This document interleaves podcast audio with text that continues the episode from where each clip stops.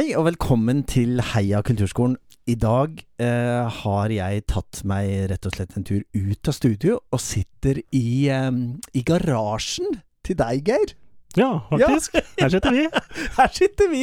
Um, og Geir eh, er ikke hvem som helst, men Geir heter Geir Sundbø og er komponist og lærer og dirigent og uh, musikant. Du, du, var jo også tidligere en fetert klarinettist og gitarist, ikke sant? Fetert og fetert, ja. ja. Jeg hadde i hvert fall gitar som hovedinstrument, da. Ja. Mm. Så jeg studerte. Mm. det, men det blir ikke så mye spilling på det nå. Nei. Det er alt til sin tid. Du har kanskje bare pause. Er det ikke det? Eh, jo da, det, det, ja. det heter. Ja, det stemmer. det er sånn det er. Sånn er det. Eh, Geir, jeg har jo invitert deg hit til Heia kulturskolen fordi du har skrevet et helt nytt verk for eh, Porsgrunn kulturskole som heter Stormen. Um, og jeg har tenkt å snakke litt med deg om um, hvordan, hvordan, det kom til, og hvordan du har tenkt denne komposisjonsprosessen. Uh, men det startet altså for lenge, lenge siden, har det blitt meg fortalt. For du begynte tidlig å komponere? Ja, jeg uh, begynte vel egentlig å komponere allerede da jeg var liten, for jeg syntes det var så gøy å leke med melodier. Og jeg tror kanskje jeg komponerte første små trudeluttene på en blokkfløyte, så det var ikke mer avansert enn det. Og så eh, var jo denne musikken Det var jo noe som Det er jo noe som har fulgt deg i hele oppvekst, altså barndom, oppvekst, ungdom? Ja, og den jeg etter hvert eh, blei sånn opp i ungdomsskolealder, så spilte jeg også i band. Mm. Og det, det, var det jeg fortalte alle vennene, at jeg spilte i band, for det var kult. Mm. De pianostykkene jeg drev og komponerte ved siden av, det var det ingen som visste om. Det, var det turte jeg ikke å fortelle. Det turte du ikke å fortelle, nei. nei. Um, var det sånn at du tidlig bestemte, seg, bestemte deg for å bli komponist? Er det noe man bestemmer seg for? Nei, Jeg vet ikke om det er noe man bestemmer seg for, men jeg, jeg syns iallfall det var eh, noe som var eh, alltid litt sånn, sånn interessant og gøy og spennende. Jeg kunne jo sitte i timevis liksom, og holde på med. Så jeg mm. skjønte at dette ville jeg gjøre mye av seinere. Mm. Men mm. opprinnelig planen var vel å bli musiker, bli mm. gitarist. Mm. Så tenkte jeg at jeg kunne komponere ved siden av. For du reiste til USA, det er den 20-årene. Kan du ja, fortelle litt om det? Ja, etter videregående på musikklinja gikk jeg der i Skien, og så dro jeg på Berkeley College of Music. Jeg tok et par semester der, og da fikk mm. jeg virkelig spilt fra meg. Da var det jo øving fra morgen til kveld. Og uh, interessant. Det er jo en skole som kanskje er mest kjent for jazz, så jeg fikk også da vært borti jazzharmoni, jazzarrangering og en del sånne ting. Mm. På et veldig høyt nivå. Det mm. var uh, veldig sunt, tror jeg, også å komme seg litt ut i den alderen. Mm. mm. Er, det, er det sånn at man i dine komposisjoner kan merke denne jazzbakgrunnen? Har du tenkt på det? Nå? Jeg har fått uh, noen som har liksom spurt om det, det faktisk. Om, mm. om jeg har jazzbakgrunn. Og så har, da sier jeg egentlig nei, jeg har vel egentlig ikke det. Men så tenker jeg jo at uh, jeg brukte jo noen år hvor jeg lytta veldig mye til jazz, og mm. spilte mye jazz sjøl. Mm. Så jeg har ikke tenkt så mye på det sjøl, egentlig sånn. Mm. Uh, det er ikke noe sånn bevisst, men det kan hende sniker seg inn noen uh, akkorder her og der som ja. er litt sånn jazzy. For da du kom tilbake til Norge, så ble det jo mer eh, komposisjonsstudier. ja, det, det, var sånn at når jeg hadde vært i noen måneder på andre semester på Berkeley, så plutselig så fant jeg meg sjøl like ofte nede på New England Conservatory og på den type steder. Og jeg var mm. nysgjerrig på hva de holdt på med. Mm. Så jeg bestemte meg egentlig for å, å, dra hjem og ta ett år med noen privatstudier, og så dra tilbake, da. Men da starte på New England. Mm. Men uh, sånn blei det jo ikke helt. Mm. Jeg det, fikk jo noen fantastiske komposisjonslærere som gjorde at da blei jeg i Norge. Blei ja. i Oslo. Det må du fortelle både meg og lytterne litt mer om, for dette var jo ikke hvem som helst du begynte å studere med? Nei, altså først så ringte jeg jo til Olav Anton Thommessen på Musikkhøgskolen, mm. og fikk noen timer med han. Mm. Var, det kunne jeg hatt et helt program bare om det, hvor festlig det var å være sann. Men så anbefalte han ja, ja, ok, hvis du trenger noen uh, privatlærere, så har jeg et godt forslag. Det var Gunnar Sønstevold. Ja. Og det var et uh, så godt forslag at der ble jeg da i fem år. da. Først med Gunnar, og så etter hvert han ble syk uh, og falt ifra, og så ble det Mai Sønstevold. Mm. Hadde vel litt begge to også en periode. Mm. Og Mai og Gunnar Sønstevold uh, er det nok mange som, som, kjenner til som et begrep. Uh, for det var jo virkelig komponister som man, som man, kjente til her i Norge. Og kjenner til? Ja, og det, det, de, den gullalderen til både radio og TV i forhold Mm. til musikk og musikkteater og litt sånt noe, så var jo det navnet Mai og Gunnar Sønstevold. Og musikken var ved. Ja. Det gjerne Enten meg og eller Gunnar. De skrev noe sammen også. Ja. Skrev jo, Gunnar skrev også en del filmmusikk. Mm. Hva, hva var det viktigste du lærte i den perioden, vil du si? Det jeg var eh, kanskje aller mest interessert i, det var liksom å ha en sånn skikkelig tradisjonell komponistutdanning. Ta Mm. det nøye, alt fra kontrapunkt til harmonilære og alt sammen. Mm. Og disse, Mai og Gunnar Sønstevold, de dro jo i voksen alder. Når barna ble store nok, så dro de jo hele familien til Wien og tok Mm. diplomstudie der. I voksen alder. Så jeg fulgte på mange måter den fagplanen de hadde hatt der. Ja. Den var jo relativt konservativ, ja.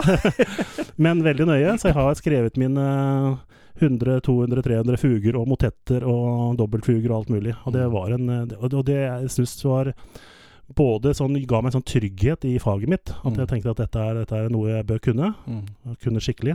Eh, og så hadde jeg, har jeg sans for sånn puslerier òg, da. Og Mm. drive, driver og leke seg med melodier og på den måten som du kan gjøre med f.eks. med fuger. da. Fuger er jo bare gøy. Mm. Fuger er bare gøy? Ja, ja, det er gøy. Det er helt topp. Det driver jeg med nå. Ja, eh, i tillegg til Mai og Gunnar Skjønstadvold, så har du også vært innom en del andre komponister. Ja, jeg tok eh, orkestrering hos Ola Berg, Mm. som vel fortsatt holder til Horten. Mm. Eh, og så tok jeg også noe av litt nyere analyse og litt sånt med Rolf Alin. Mm. For det sa meg og Gunnar at det, dette kan ikke vi noe om. Nei. Vi er for gamle, påsto ja, de. Ja. Og da var Rolf Alin rette mann, og det var han virkelig. Han var Mm. eh, helt uh, topp i forhold til det å finne spennende nye stykker som jeg fikk lov til å grave meg litt ned i, og se hva komponisten hadde gjort. Mm. Vi skal snakke litt mer om uh, veien din uh, til uh, kulturskolen, og det, veien din frem til eh, korpsdirigent og mere. Men eh, først en liten eh, jingle.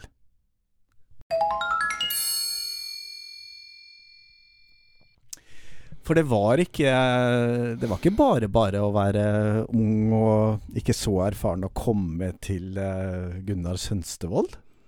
Nei, det var jo med en eh, voldsom ærefrykt. Ja. Det var jo det. Mm. Jeg hadde jo selvfølgelig hørt om Gunnar Sønstevold før. Mm, og han, for, for meg så var det liksom eh, omtrent for linja fra Grieg og Sæverud, og så var det Sønstevold. Ja. Det var liksom der. Ja. Så det første møtet var, eh, var eh, rimelig skjelven, ja. Ja. Det var det. Var han eh, overbegeistra over det han fikk høre som du hadde med, eller? Nei, altså han satte notene mine på pianoet, og så spilte han litt av det. Det var en strykekvartett, tror jeg, blant annet. Jeg hadde jo noe annet òg. Og første kommentaren var hm, hm, hm. Og det, da steig jo ikke akkurat eh, selvtilliten på unge Sundbø. Men eh, det viste seg etter hvert at det var liksom litt måten han var på. Mm. Men eh, han var absolutt mer entusiastisk etter hvert. Mm, mm. I tillegg til komponistkarrieren din, så, så har du jo også fulgt det, den dirigentkarrieren din. eh, gått opp i, i løpet av livet. Hvordan, hvordan startet det? Du, du spilte i korps? Jeg spilte i korps, Ja. spilte i Klyve skolekorps. Og da når jeg spilte i det aspirantkorpset vi hadde den gangen Vi hadde en eh, kjempeflott dirigent, Alf Bjerkeli. Som er jo en, nærmest en legende her i fjorden. Eh, Både han og han har jo flere av barna som spiller fortsatt. Han eh, fant ut interessen min. Jeg tipper jeg teamet fortalte at jeg komponerte litt. Ja. Mm. Og så sa han at ja, men du har ikke lyst til å dirigere, da? Ja. Så da, jeg tror sånn, jeg var sånn rundt 10-11 år som jeg dirigerte da mitt eget aspanskorps. Oi! Jeg tror det var i foajeen Ja. Ibsenhuset, til og med. Så Tidlig debut. tidlig debut. Ja. Og så syns jeg det var ganske artig. Jeg ble ganske tidlig instruktør, og da, på den tiden var det nokså vanlig å ha ganske store grupper på, Mm. i skolekorpsa. Så jeg hadde en kleinetgruppe, og da det fant jeg ut at det var nyttig å kunne dirigere. Mm. Og da når jeg var på sommerkurs da, så fikk jeg noen privattimer med Kjell Martinsen. Han var jo der på det sommerkurset på Kvitsund den gangen det var der. Mm. Og da var liksom interessen der til å jobbe videre med det. Og da eh, tok jeg de oppdragene jeg fikk, og fikk lov til å dirigere etter hvert. Alf Bjerkeli hadde jo eh, aspirantkorpset til Eidanger, pikeorkester som det het den gangen. Mm. Og han slapp meg til uh, villig vekk der, for Mm. han mente at det, det var meg som skulle overta det, og han kunne skulle pensjonere seg. Ja, riktig. Og sånn ble det. Så da eh, tok jeg over aspirantkorpset etter han. Et stort aspirantkorps Ja. på nesten 50 eh, Oi. musikanter. Så det var eh, Det var tider. tre-fire tubaer og i det hele tatt. Ja. Det var tider, det. Ja, for det var jo inngangen din til jobben uh, her ved Porsgrunn kulturskole? Ja, altså, på, på en måte blei det det. Og ja. det, det aspirantkorpset blei veldig veldig gode til å spille. Mm. De var, det må sies at de var litt eldre uh, når de startet på den tida. Mm. Det var i forrige århundre, må jeg huske. Mm. mm. De, så de var jo sånn det som nå er mer sånn femte, sjette, sjuende klasse. Men de blei veldig veldig gode til å spille, mm. og det blei lagt merke til, tror jeg. Og da, når da Porsgrunn pikekorps og Porsgrunn guttekorps slo seg sammen, så fikk jeg en telefon. Mm. Og lurte på om jeg kunne være den nye ferske dirigenten for det nye ferske korpset. Ja. Og den nye ferske dirigenten da har nå dirigert uh, Porsgrunn pike- og guttekorps i 32 år. Ja. ja. Måtte tenke meg om, men det er faktisk det. 1990 blei de altså slått sammen. Fantastisk. Ja. Um, for snart to år siden, i april 2020, så uh, satt jeg og tenkte på deg, Geir, og tenkte at uh, skal vi ikke bestille et stykke av han komponisten vår på kulturskolen? Um, og da satte vi oss ned og prata litt om hva det kunne være. Hva, hva, tenker man da som komponist når man får uh, varsel om en mulig bestilling? Nei, det Vi er så vant til at ofte det går sånn via sånn musikkfond og vederlagsfond. Du søker og søker, og så går det månedsvis. Men her ble jeg på en måte presentert med noe som virka oppnåelig. Som mm. kunne skje ganske kjapt. Mm. Og da blir man jo inspirert mm. og glad. Mm.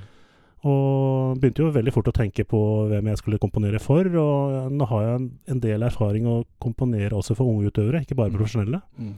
Så det var liksom ikke noe av det som skremte meg. Det var mer jeg blei veldig ivrig. Ja. Men ingen av oss uh, visste da hva det skulle bli, og hvordan det skulle bli, og hvor mange, og, og Nei, sånn. sånt nå kom jo litt etter hvert. Ja. Og uh, Tine Fossmo, som jo hadde mye ideer rundt dette her, mm. uh, hadde jo en liten grafisk skisse, enkel sådan, som hun presenterte. Og så hadde hun også funnet fram en del bilder, og hun tenkte jo litt på farger og litt sånn forskjellig stemning rundt. Ja. Og da kom liksom det Men det kom egentlig litt sånn i passe fine posisjoner, for da fikk jeg litt tid til å tenke meg om. Mm. Og tenke hva, hva skal dette bli? For etter hvert så ble jo tittelen 'Stormen'. Ja. Um, hva, er, hva er en storm for deg, Geir? Nei, altså jeg tenker jo for så vidt litt på samme måten som Tine Fossmo gjorde. At mm. det, er, det, er, en del eh, lys og farger og stemninger, og ikke minst sånn Sånn som alltid den der følelsen av at det er noe på gang, mm. den syns jeg er litt spennende. Det har jeg prøvd å få til et stykke òg, at du skal få en litt sånn urofølelse.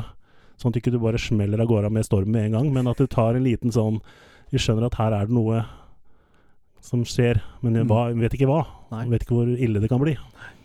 For dette, det er jo en det er jo en ganske stor jobb å, å disponere et verk som Altså, dette er jo 40 minutter med musikk. Det, det, ja. det er ikke som en liten trio eller en, en fuge. Men det er, det er, ganske mye, vil jeg tenke. Ja, det er det jo. Og det var, det var kanskje det jeg brukte, en, som jeg er glad for, at jeg brukte ganske god tid på i starten. Mm. Å tenke på det, hvordan skal jeg få dette til å henge sammen. Mm. Sånn at det ikke blir en tilfeldig rekke med små trudelutter som, skulle, mm. som ikke har noen sammenheng. Mm. Så jeg fant ut at det her måtte jeg ha, ha noen toner, et lite musikalsk motiv, et tema som går gå litt igjen. Mm. Og så må jeg binde det sammen på en fornuftig måte. Fordi i tillegg til at eh, det var jo ungdomsorkesteret, ut med inkludert av blåsere og litt slagverk, som skulle være kjernen. Men jeg fikk også beskjed om at jeg måtte veldig gjerne skrive for mange andre òg. Gitarister, bassister, trommer, andre blåsere i det hele tatt. Og piano, ikke minst. Og da tenker jeg at det ville, ville være viktig da, at, det, at, dette verket henger sammen fra A til Å. Mm. Fra første til siste tone. At man ikke føler at det er noe som stikker seg ut som noe Jøss, hva, hva gjør den melodien her, liksom? Mm. At det skal være noe som henger sammen, da. Mm. Både for musikeren og for publikum, ikke minst. Vi som uh, har hørt på noen av gjennomgangene som har vært uh, så langt, har jo lagt merke til at det er, en, det er et veldig fint tema. Det er en veldig fin melodi som går gjennom stykket. Nå, nå ja. sitter vi jo ved pianoet ditt. Ja, litt ustemt og sånt. Ustemt og fint. ustemt og fint. Vi sitter i garasjen, og her er det litt vekslende temperatur. Så her vet vi aldri hva vi får. Ja, kan ikke du spille litt av det, dette?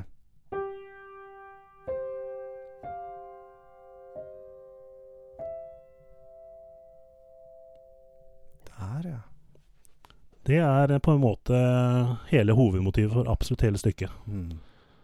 To stigende kvarter, hvis det var litt sånn musikkteoriaktig. Det Og så får du den lille vridninga fra moll til dur. Og da har, har jo på en måte Og det jeg tenkte rundt et værfenomenet, at det kunne både være vakkert og det kunne være litt skummelt. Og, tatt, og da er det greit å, ha det, å spille litt på den dur-moll-tonaliteten. Mm. Kanskje litt samtidig noen ganger, til og med. Sitter du ved pianoet og komponerer? Ja. ja. Gjør jeg. Mm. Sitter og leker med Mm. pianoet. Mm. Og får ideer underveis. Og så Det kan, kan plutselig dukke opp en idé når jeg ikke sitter ved pianoet òg. Mm.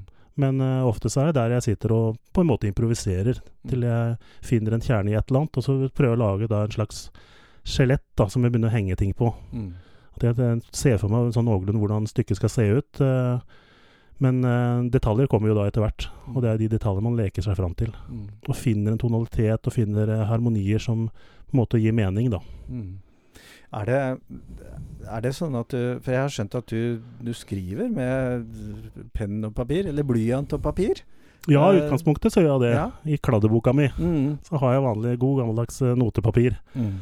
Og så når, eh, når det, ting da skal instrumenteres ferdig ut, så sitter jeg jo da ved PC og Mm. bruker notasjonsprogrammet. Mm. Mm. Eh, Du, du sa i sted at uh, det- dette er jo Eller jeg tenker i hvert fall at det er litt spesielt at det er ikke profesjonelle musikere du har skrevet for, men du har skrevet for ungdom som har et rimelig bra nivå. Men det er jo en del ting du har måttet tenke på underveis. Hva, hva de kan, og hva de klarer, og hva du tror de får til. Ja, det er jo sånn. Ja. Nå har jeg heldigvis litt erfaring med i hvert fall for å skrive for blåsere. Mm. For jeg har skrevet en del korpsstykker, Mm. for helt ned til juniorkorps. Så det, man, man, man har, må jo ta begrensninger i forhold til både teknikk og kanskje register i forhold til hva de kan spille på, særlig blåseinstrumenter. da. Mm. Um, så har jeg fått eh, veldig god hjelp i forhold til strykedelen av Nikolai Bogdan Mm. ved Kulturskolen, som jo er rett og slett ekspert på dette her. Ja, ja. Som kan dette, og ikke bare det at han Altså, jeg har jo komponert for strykere før, men eh, det er første gang jeg har komponert for unge strykere. Mm. Tidligere så har jeg komponert for profesjonelle. Da kan du jo i realiteten på en måte gjøre hva som helst, Ja. for de fikser du uansett. Da trenger man ikke tenke på Tenk, tenker ikke i det hele tatt, bare kjøre på. Men, eh, men her var det nødvendig å få en, del gode råd, og han har jo gått gjennom notene mine og sagt at det er kanskje det er lurt å gjøre sånn, for da Mm. låter det bedre. For han har den erfaringa, da. Mm. Og det har jo vært helt topp. Mm. Så eh, er verket ferdig skrevet, og det er jo nå eh, Det skulle jo egentlig vært spilt for et år siden, eh, men så kom jo korona. Ja. Men du har levert det fra deg. Ja. Hva er det man føler da, når, man, når du er ferdig med et såpass stort verk? Det er rett og slett litt sånn På en måte er man jo selvfølgelig letta over hvis man syns man har fått det til. Mm. Det syns jeg i det tilfellet her. så synes jeg det. Eh, Men så er det litt sånn tomhet også. Mm. For du har levd med det i ganske mange måneder. Jeg komponerte vel det her i løpet av en sju-åtte måneder, tenker jeg. Mm. Og det er ganske lang tid. Mm. Hvor det går og surrer og går absolutt nesten hele døgnet. Ja. Eh, så når du leverer da, så er det litt sånn eh, Litt vemodig på én måte, men så er man jo veldig glad for å være ferdig Mm. også. Mm. Men uh, det, det er godt å ha en deadline, som vi sier, at en dato å levere til. Ellers så hadde vi aldri blitt ferdig. For man kan jo alltid gjøre det litt bedre. Ikke sant? Så det er, eh, den, eh, den datoen er fin å ha. Mm. Og så ble det en lang pause, hvor Ja. vi ventet på korona og Ja, vi ventet på at korona skulle ta slutt, i hvert Ja. fall. Eh, og nå eh, etter jul eh, Eller det var vel en liten prøve før jul? Ja, vi hadde en liten liksom orkesterprøve. Ja. Mm, det var spennende. ja. Fordi eh, igjen, så jeg har jobbet med strykere før, men da har det vært profesjonelle. Nå fikk jeg lov til å dirigere det fine ungdomsorkesteret på Mm. kulturskolen, og det Mm. var, det var veldig gøy. Mm. Og det, ikke minst så er det gøy å se at de, de gir jo alt. Her er det ordentlig innsats. Mm. Og fikk veldig gode, kjapt, eh, veldig hyggelige ungdommer som liksom eh, skryter litt av komponisten. Og det er litt sånn godt. Ja. i starten. sånn at du ikke du tenker at nå jeg- plager jeg med de noe forferdelige greier. At Ja. det, det virker som om de i hvert fall har vokst seg litt inn i stykket. Det er jo det, er det man ønsker, da.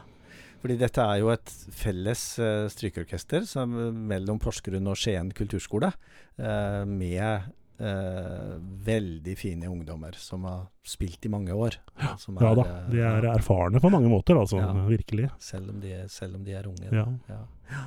Var, var det sånn Altså, det auditive, er det sånn at det var sånn du så det for deg? Hørte det for deg når du, når du hører din egen musikk? Ja, det er egentlig det. Mm. Blir, det, er, det er ikke så ofte jeg blir overraska på sånne ting. Nei.